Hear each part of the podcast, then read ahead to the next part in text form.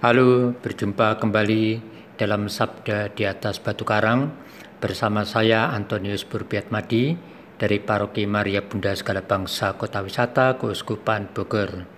Saudara-saudari yang terkasih, hari Minggu tanggal 11 Oktober ini adalah hari Minggu biasa pekan ke-28.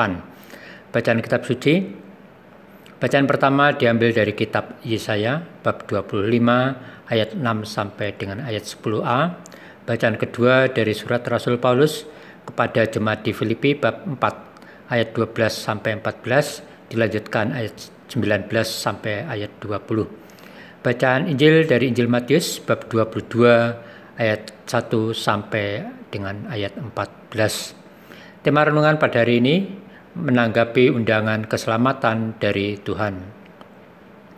Saudara-saudari yang terkasih, di masa sebelum pandemi COVID-19 ini terjadi, sering kali kita melihat para ketua lingkungan atau ketua wilayah merasa sedih dan kecewa.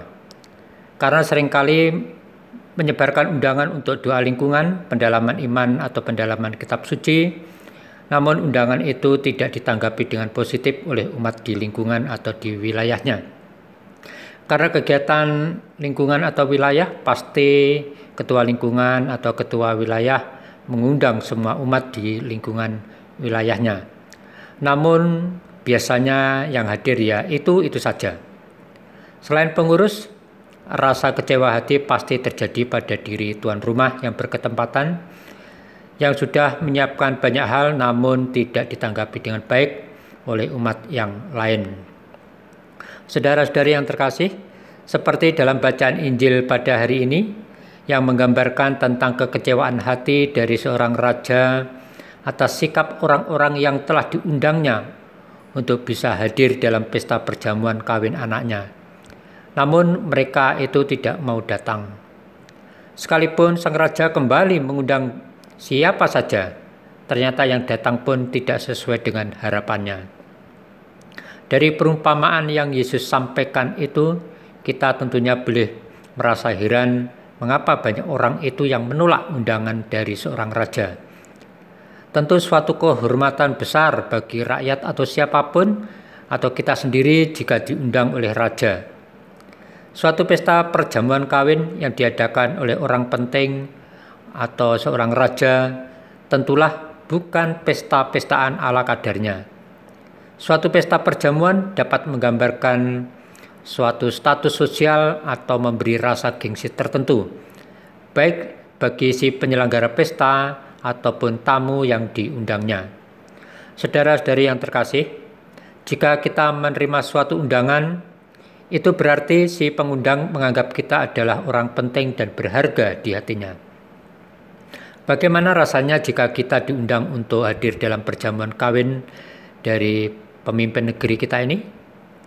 Pasti kita akan bangga dan peristiwa itu akan menjadi kenangan bagi kita, bukan? Jika kita tidak menghadiri undangan tersebut, tentu si pengundang akan kecewa berat dan barangkali kelak kita tidak akan diundang lagi olehnya.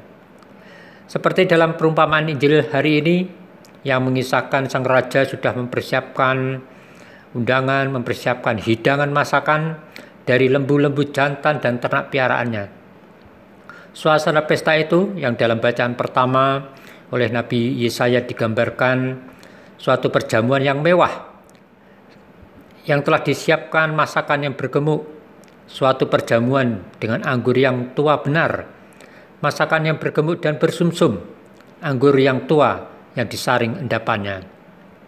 Ini tentu menggambarkan bahwa suasana pesta yang sungguh meriah dan penuh dengan makanan minuman yang enak sajian yang tentunya akan memuaskan para tamu undangan. Saudara-saudari yang terkasih, perumpamaan undangan dalam yang disampaikan oleh Yesus dalam Injil hari ini itu adalah menggambarkan undangan Tuhan bagi siapa pun untuk dapat menikmati kebahagiaan kekal bersama Tuhan. Melalui para nabi dan Yesus sendiri telah disampaikan undangan keselamatan kekal dari Tuhan kepada umat manusia. Namun, tawaran keselamatan itu ditolak oleh manusia.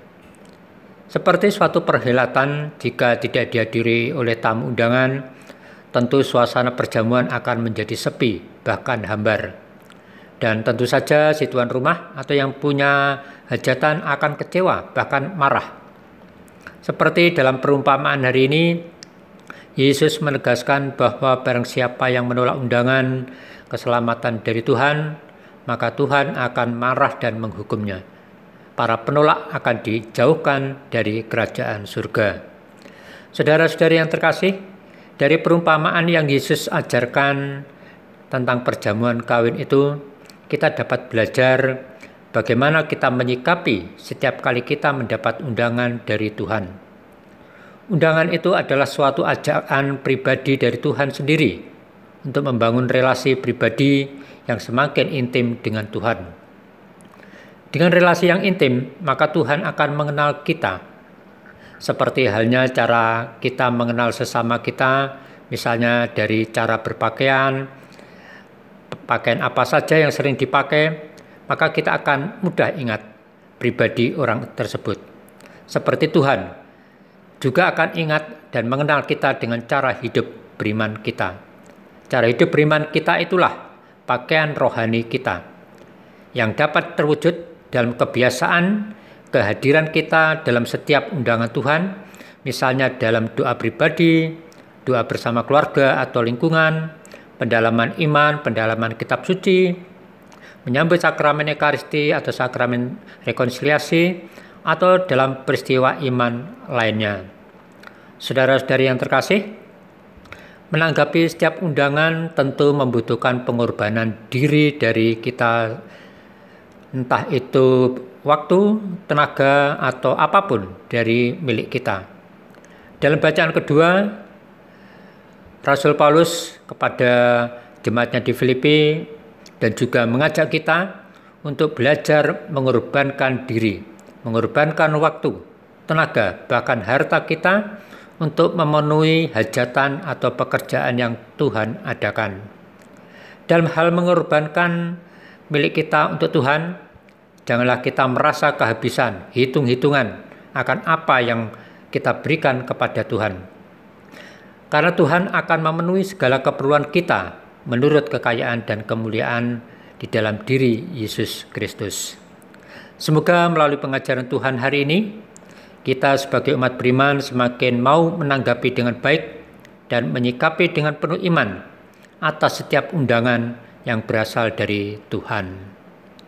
Amin. Semoga Tuhan memberkati kita dan selamat berhari Minggu.